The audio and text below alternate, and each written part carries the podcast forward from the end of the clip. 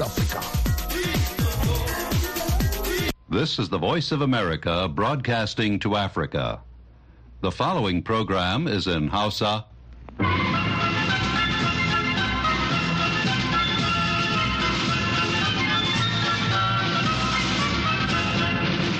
Sashen Hausa na murya Amurka ne ke magana daga nan birnin Washington DC.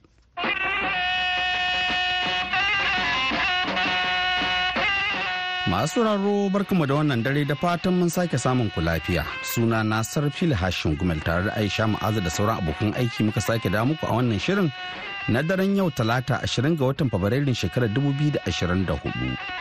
A cikin shirin za a ji cewa jami'an tsaro a jihar Bayelsa sun dawo da doka da oda. bayan barke wani rikici tsakanin wasu al'ummomi guda biyu a jihar haka kuma za mu ji cewa ƙungiyar gamayen matuƙa motoci na najeriya narto ta baiwa ma'aikatanta umarnin su koma bakin aiki. Sai kuma shirin allah ɗaya gari bambam da ramata garba za ta kawo mana. Amma fa duka sai mun fara da shan labaran duniya tukunna.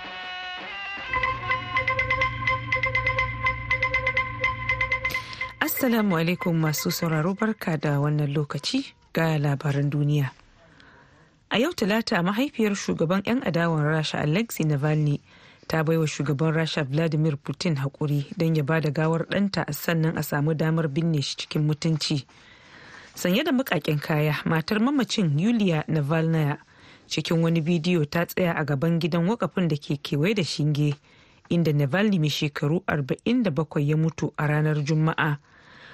kwanaki biyar kenan ban samu damar ganin gawar shi ba navalny ta shaida cikin bidiyon sun ki su bani gawar shi sannan sun ki su faɗa min inda gawar take ba ta ƙara da cewa. Ta ce hukumomi sun ki faɗa mata inda gawar navalny yake. Tawagar navalny ta ce hukumomin rasha sun ce ba su ba su san musabbabin mutuwar shi ba sannan sun ki su ba da gawar shi. Sojojin isra'ila sun ba da rahoton zafafa fada a yankin han yunis a zirin gaza a yau talata. Yayin da majalisar kolin majalisar ɗinkin duniya take shirin kada ƙuri'a akan wani ƙudurin da algeria ta gabatar na tsagaita buɗe wuta nan take inganta kai kayayyakin jin kai da ƙin amincewa da sauyawa 'yan filistinu matsuguni da ƙarfin tsiya. Jakadan amurka a majalisar wato jakadiyar amurka a majalisar ɗinkin duniya linda thomas greenfield ta ce amurka za ta yi amfani da ƙuri'arta don hana yin sulhu da ta ce yana iya janyo na kasu ga ƙoƙarin yunkurin yin sulhun da ake yi.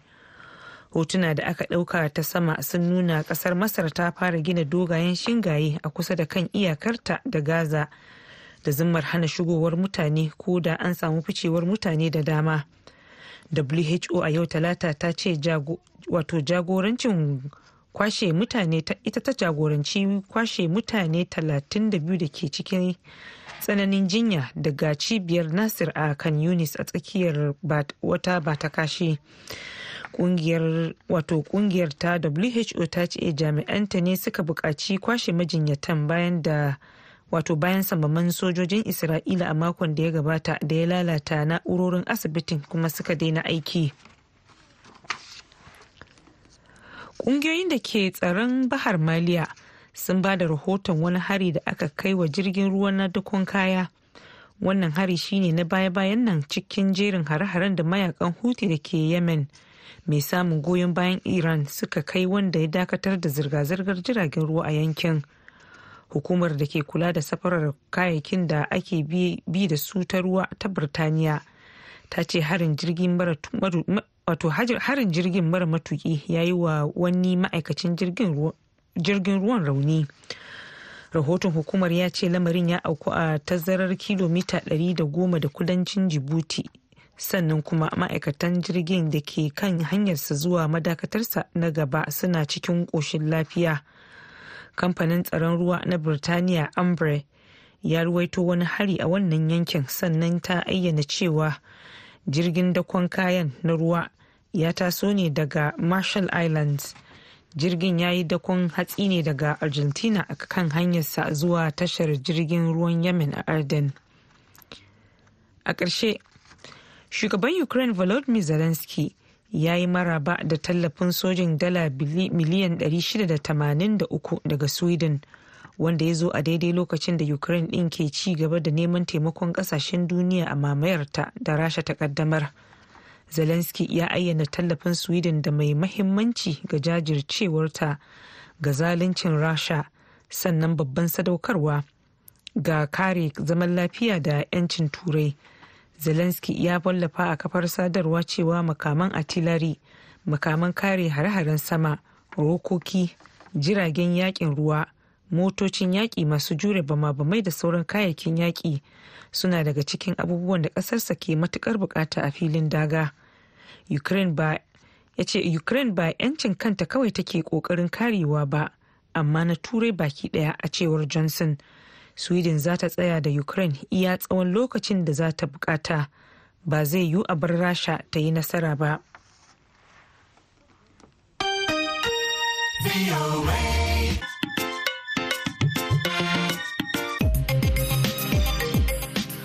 Aisha Ma'azu kenan ta karanto mai labaran duniya daga nan sashen Hausa na murya Amurka a birnin Washington DC.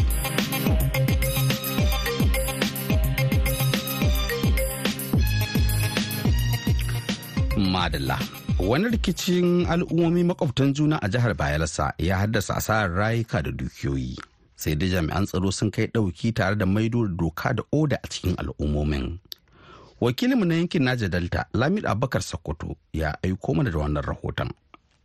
A baya-bayan ne dai aka samu wani tashin hankali tsakanin al'ummomin garuruwan okotuku da na apollo da ke yankin karamar hukumar yanaguwa a jihar bayelsa da ke yankin niger delta inda nan take suka afka wa juna. Kuma rikicin na al'ummomin biyu ya samo asali ne tun jiya zuwa yau. Haka kuma bayanai na nuna cewa an samu salwantar ɗimbin rayuka da kuma dukiyoyi na al'umma da dama. Rundunar 'yan sandan jihar ta bayelsa ta tabbatar da faruwar lamarin kuma ta ce mutane biyu ne suka halaka. Rundunar ta ce tuni ta tura jami'anta domin tabbatar da tsaro a inda lamarin ya faru da hakan kuma na tuntuɓi asp musa muhammad mai magana da yawun rundunar 'yan sandan jihar ta bayelsa The youth of Opolo claimed they were murdered by Okutukutu youth who invaded their community. Upon receipt of this information, ya ce bayan da rundunar 'yan sandan jihar bayelsa ta samu labari rikici tsakanin al'ummomi biyu tuni muka tura jami'anmu don tabbatar da doka da oda. Kuma kawo yanzu jami'anmu na ci gaba da gudanar da sintiri a inda lamarin ya faru. Ko da yake dai kawo yanzu mutane biyu ne suka halaka yayin da wasu da dama suka jikkata. Kuma waɗanda suka jikkata tuni muka kai su asibiti. Kawo yanzu dai rundunar 'yan sandan jihar bayelsa ta kama mutane mutane biyu da muke zargi da hannu dumu-dumu a wannan rikici. The patrol teams discovered a lifeless body and also rescue a critically injured person to the hospital.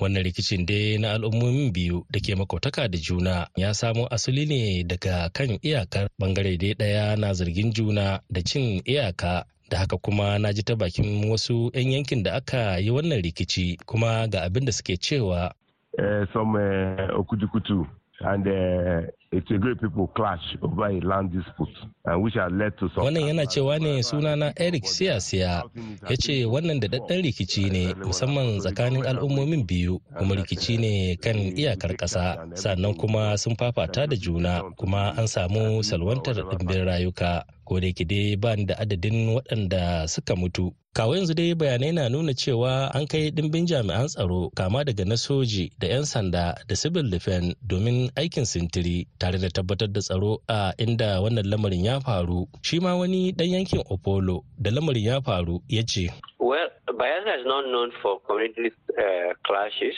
in the sense that uh, yana cewa ne sunana dr. Friye oworiso ya ce al'ummomin jihar ta bayansa a gaskiya ba sa son rikici kuma waɗannan da ke rikici suna makautaka da juna ne kuma muna ganin wasu matasa ne suka tada wannan rikici. Ko da yake dai kowane yanki da irin nashi ƙalubale ko muna fatar samun sauƙi gwamnatin jihar ta bayelsa dai tuni ta shigo cikin wannan batu domin ganin cewa an samu sasanci tsakanin ɓangarorin biyu. Lamido abubakar sokoto muryar amurka daga Fatakwal, Najeriya. Toma da la'agai da Lamida Bakar Sokoto. Bayan shiga tsakani da gwamnatin tarayyar Najeriya ta yi ta ɓangaren hukumar kula da dokokin man fetur da ƙaramin ministan albarkatun man fetur na ƙasar. Kungiyar masu motocin da man fetur na NATO ta dakatar da yajin aikin gama da ta shiga daga jiya litinin tare da baiwa ma'aikacin umarnin koma bakin aiki nan take. Daga Abuja wakilin Halima Abdur'uf ta aiko mana da rahoton.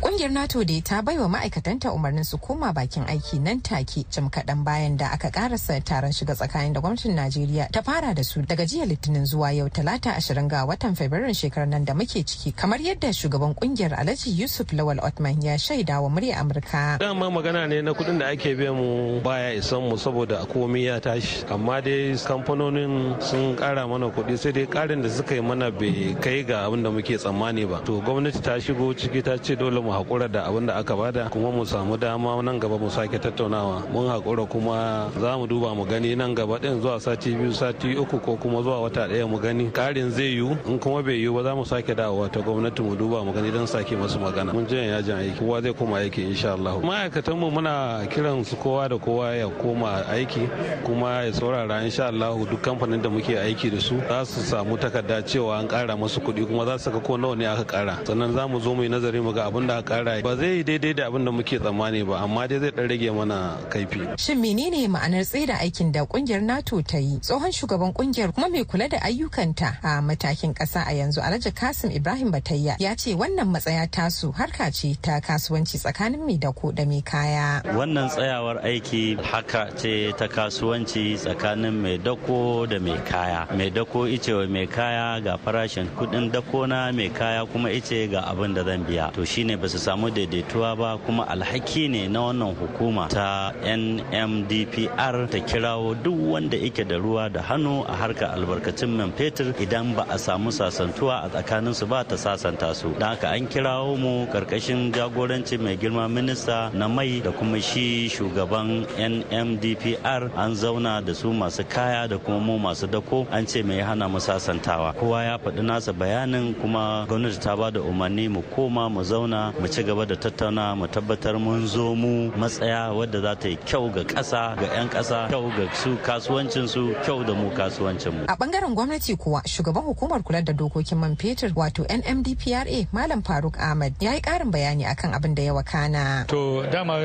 matsalan ta shigo saboda kuɗin man diesel da ya karu saboda harkokin duniya da suka canza. So dakon da suke yi kamar daga maybe wajen depo-depo na wajen Lagos sauran zuwa arewa ko zuwa wurare sai zama cewa kuɗin diesel ya musu yawa kuma suna faɗuwa ba su samun riba. Shi suka ce lalle sai an ƙara musu kuɗi. To kuma ba za mu ce za mu ƙara musu kuɗi ba. Idan mun ƙara musu kuɗi za a ƙara kuɗin mai kuma shugaban ƙasa ce ba za a ƙara kuɗin mai ba. Saboda haka muka ce su je wajen wanda suke wa aiki su same su su yi yarjejeniya da za su ƙara musu kuɗi. Don ka muka ce tashar mota ne. Wannan ya ɗauki kaya zuwa birnin kebbi. Da shi da mai ɗaukan kayan da mai mota za su yi muhawarar su. To shine kamar haka muka ce su je. To abin da ya faru yanzu minista ya kira su mun kira su mun yi magana jiya da yau. To shine suka dai kai ga matsayi cewa to za su ci gaba da muhawara akan yaya za a yi nawa za a kara musu. To yanzu nnpc sun kara musu kuɗi kuma total sun kara musu kuɗi. Amma sauran yan kasuwa ɗin ne suka su kara musu kuɗi kafin su ci gaba da aiki. To alhamdulillah an yarjejeniya cewa za su ci gaba da magana. Amma saboda ba son jama'a su ci gaba da wahala shi suka ce za su koma wajen aiki. An tsaya mu tsaya yanzu za su je yajin aiki daga yau. To insha Allah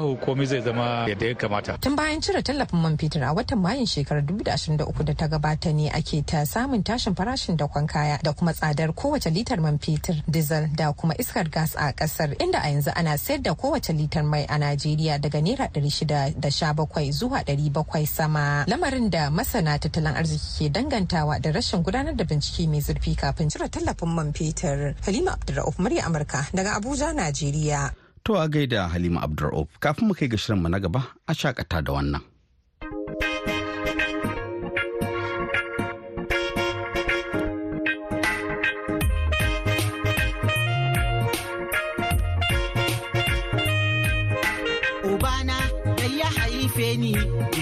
Da ni ba bai bari na ji daɗi ba. Uban na za yaron zamani bai damu da shi ba bai kai shi makaranta ba. Aure yake ta yi da haifuwa kuma matan da ya'yan ma ya dubawa. Ubannin muku dai na wannan rayuwa.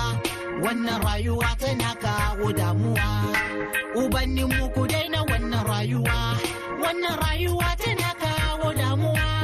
Yau na shagiya da taba baba da ne. Hanna sauka da haife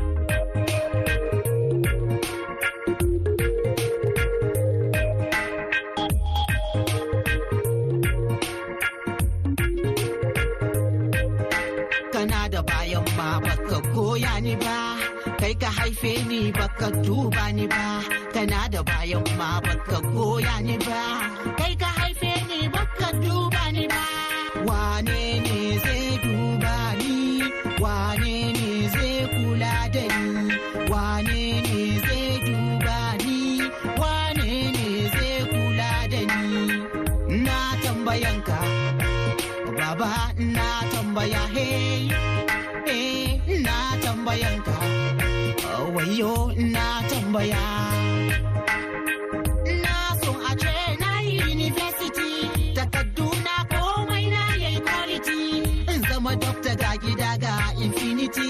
Kana nufin cewa da za ka yi security? Na tambayanka.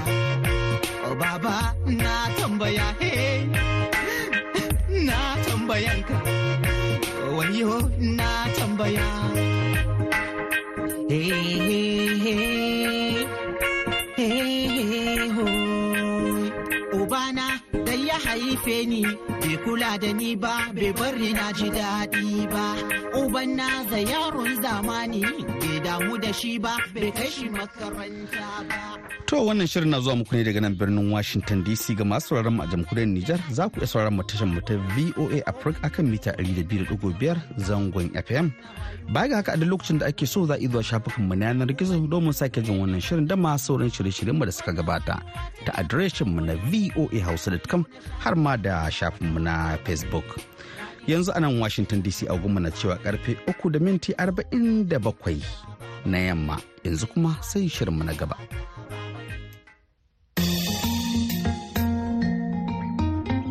wani gari wani gari wani garin da ake kurba manja na zalla. Madalla. Jama'a masu sauraron mu assalamu alaikum. Barkanmu da sake kasancewa da ku a cikin shirin na allah ɗaya gare bamban shirin da ke kawo muku halin rayuwar 'yan afirka a turai da sauran sassan duniya. Tare da ni ramatu garba baba.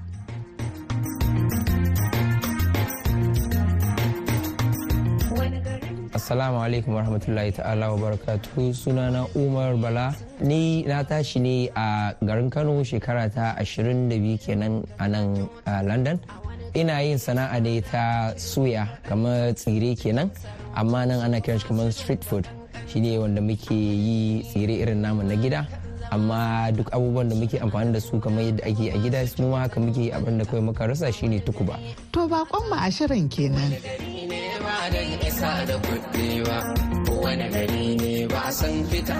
Ɗanɗanon suya da gurasa da dafaduka da sauran kayan kwalan da makulashe na suya hot sun taimaka ainin a yada cimar hausa a unguwar bakin da ke ingila inda turawan birtaniyan da sauran jama'a daga sassan duniya ke rage-ragen siyan naman suyan da ake gasawa tamkar irin na ƙasar hausa. Akwai abubuwan da mu gaskiya mutane suke yi muka ga cewa kamar irin ƙasar da muke zaune ba kasa ba ce ta irin mutanen mu kenan na arewa ko kuma na najeriya ko kuma na afirka. Akwai mutane wanda suka zo daga fanni daban-daban. Na ɗauki wasu abubuwan da muke da su a gida kamar gurasa ne amfani da ita na modifying ɗinta na mai da ita kamar wani abin da ake kira rap ko kuma shawarma.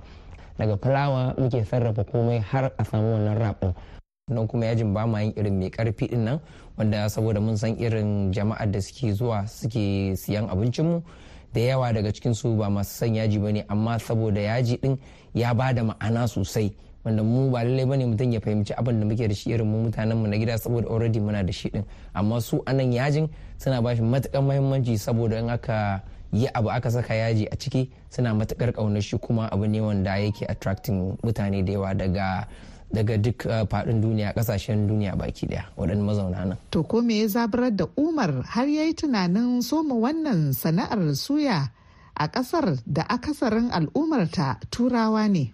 Na aiki da a wani kamfani babban kamfani supermarket ne a Tesco so na aiki nan ni manaja ne na aikin management sannan kuma na aiki a bakery sannan na aiki a kitchen mainly duk inda ake girki na yi. so na yi ba irin abincin da ban dafa ba a wannan kamfani. Sannan wannan ne ya kara zabar da ni cewa tunda har ni zan iya yin abincin nan kuma wannan ya kara goge na ya kara sa na goge. Sannan daga nan na samu na yi ƙoƙari allah ya taimake ni na sai karamar trailer shine mai kama da kwantena wanda mota take ja. Na yi 'yan shekaru ina amfani da ita sannan na ƙara samun buɗi cikin yarda allah na siyo van wadda ake tukawa wadda take babba ce sosai ita ma. Ana ina aiki kuma yana da ma'aikata kamar guda huɗu a lokacin. Sannan bayan shekaru kaɗan na ƙara samun dama shine na sai ita wannan double decker bus. Wato wannan mota kenan irin ta london wadda take da hawa biyu. Wa mun yi amfani da ita yanzu kenan shekaru shekara ta farko kenan yanzu completed. Sannan shine muka ƙara samun wata dama allah ya buɗa mana. Yanzu kuma muke ƙoƙari za mu buɗe wannan babban restaurant namu wato suya hut restaurant. To baya ga hakan, Suya Hut ya yi shura saboda dafadukar da ake sayarwa tare da suyan. eh to gaskiya jollof rice ko kuma dafa mu ta bambanta sosai saboda ni kin ga bahaushe ne. Kuma duk abubuwan da muke yi a nan muna tuna gida. Saboda haka muna hada irin dai dabarunmu da iyayenmu da kakanninmu suka koya mana wajen girki domin mu bambance tsakanin irin dafa mu ko kuma jollof rice mu da irin wadda wasu ƙasashe ko kuma wasu mutanenmu na najeriya suke yi. To shine sirrin abin gaba ɗaya saboda mu jollof rice mu gaskiya duk wanda ya zo ya ce muna samun yabo ƙwarai da gaske kuma wannan jollof rice ita ce ma ainihin waɗanda ta ƙara ba mutane ƙarfin gwiwa suke ma ƙoƙarin wai su ko kuma su gwada abincin da muke da shi musamman kamar na tsire haka ko kuma kaza duk da cewa da yaji a ciki. So san wannan jollof rice din shine yake ƙara bunƙasa mana sana'a mu alhamdulillah. Kuma a gaskiya duk irin jollof rice din da za mu yi ko guda nawa muka ko kwano nawa muka yi a rana ba mu taɓa tashi mun bar jollof rice ɗin nan mun tafi da ita gida ba. To ko za a iya cewa kwalliya na biyan kuɗin sabulu? irin cinikin da muke yi idan aka kwatanta da kamar kudinmu na najeriya to a gaskiya an kai comparing yadda canji ya lalace yanzu muna samun ciniki a kowane mako wato a sati kenan. Tunda mu a sati kwana huɗu muke budewa to kuma a satin nan in kika kisa ma muna samun at least in aka yi conversion total sales kenan wanda ake kira gaba ɗaya abubuwan da muke siyarwa ba wai riba zalla ba muna ciniki na naira miliyan talatin a cikin kwana huɗu aka yi converting kenan pounds into naira. To kuma a ciki insha Allah akwai riba Duk da wannan cinikin da suke yi da ma ribar da yake samu, ya ce akwai wasu ƙalubale da sana'ar ke fuskanta.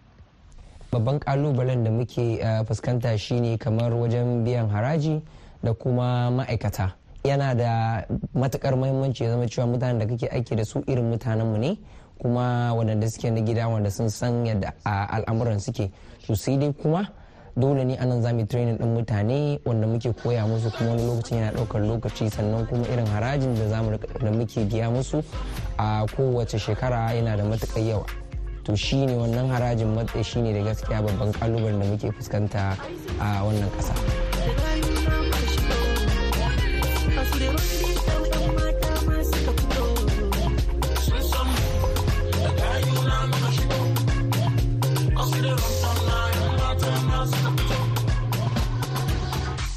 Haka yake. To a daidai lokacin da matsalar rashin aikin yi ta addabi jama'a musamman matasa a ƙasashe masu tasowa kamar Najeriya da Nijar. Ma'aikatan Umar dai sun hada da matasa har da wasu mata da sunana hassana mamuda ni yar katsina ce amma yanzu na zaune a london bakin market muna nan tare da umar allah ya buɗa mana yanzu ciniki muna yin ciniki sosai masha allah. Mutane suna zuwa daga ko'ina 'yan najeriya turawa ma duk suna zuwa. Ni gashi nake gashin kaza da tsire. Muna sai da tsire da kaza da jollof rice plantain da chips. Daga na zo aiki zan fara gashi. Akwai wanda yake da safe ni kuma na zuwa da rana lokaci sha ɗaya na safe. Saboda ana buɗewa ƙarfe goma. To sai in karɓe shi in fara gashi kuma har yamma. Amma akwai wata yar wata ɗin hajiya hawa ita kuma da safe take zuwa to tana tafiya ƙarfe ɗaya.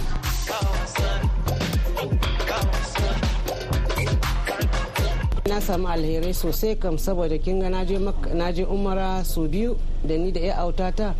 Gashi kuma yanzu allah ya kawo nasara zan tafi hajji insha allah wannan shekara to muna samun kuɗi dai alhamdulillahi. Tunda ana samu ana taimakon kuma 'yan uwa sosai sosai da marayu kuma. To a halin da ake ciki, umar dai ya buɗe wani katafaren gidan sayar da suya duk da cewa zai ci gaba da amfani da motarsa ta bas mai hawa biyu. Da ta kasance tamkar tukuba a birnin na london. Na kwashe duk wanda suke nan ko? to yanzu ko to suyar har da shinkafa. Ba wannan shinkafa da an kika ci wannan shinkafar wannan yar madina ce. Wannan yar madina ce. No alhamdulillah kuma yana tafiya daidai wallahi sai godiya. Kana da naira rayuwa sai daki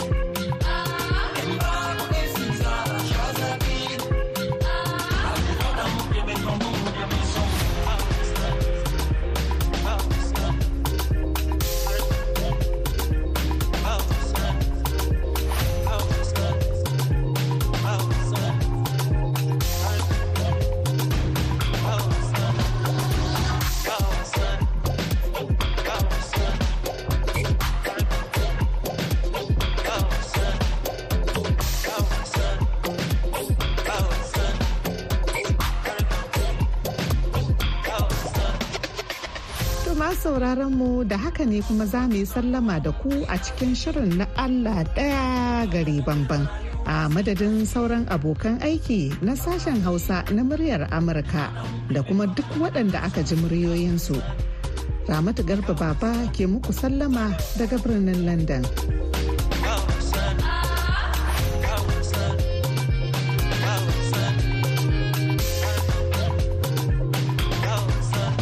Madalla a gaida ramata garba yanzu kuma sai shirinmu na ƙarshe labarai amma fa a takaici.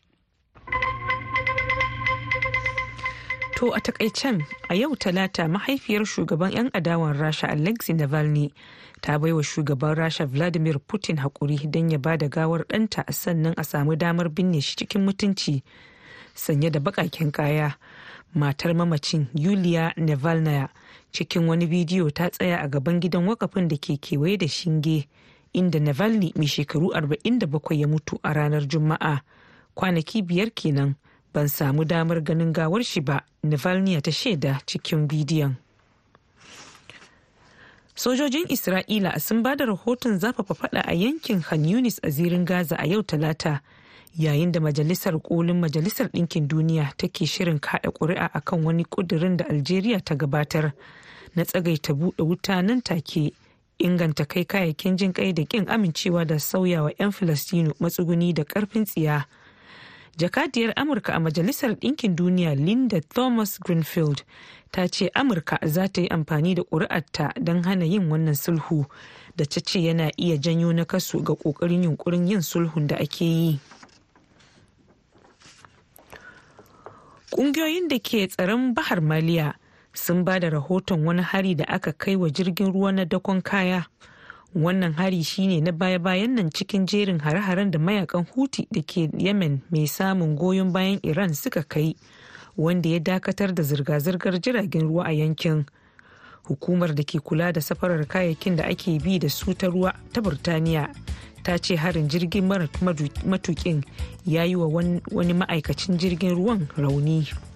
To madalla masu aro da haka ne muka ƙarshen shirin namu na yau baki ɗaya sai a kasance da mu da ƙarfe shirin na safe gobe laraba idan Allah ya kai mu inda za mu muku wani sabon shirin. Kamar ko da yaushe za a shafukanmu na yanar gizo domin sake jin wannan shirin da ma sauran shirye-shiryenmu. Ta adireshinmu na voahausa.com. Yanzu madadin Aisha Ma'azir na kawo muku shirye-shiryenmu na yau da Fiona Nandudu wadda ta haɗa tare ba da umarni da ma injiniyanmu na yau Mr. Cedric. Nisar fil hashin gumel ke cewa mu kwana lafiya. Assalamu alaikum.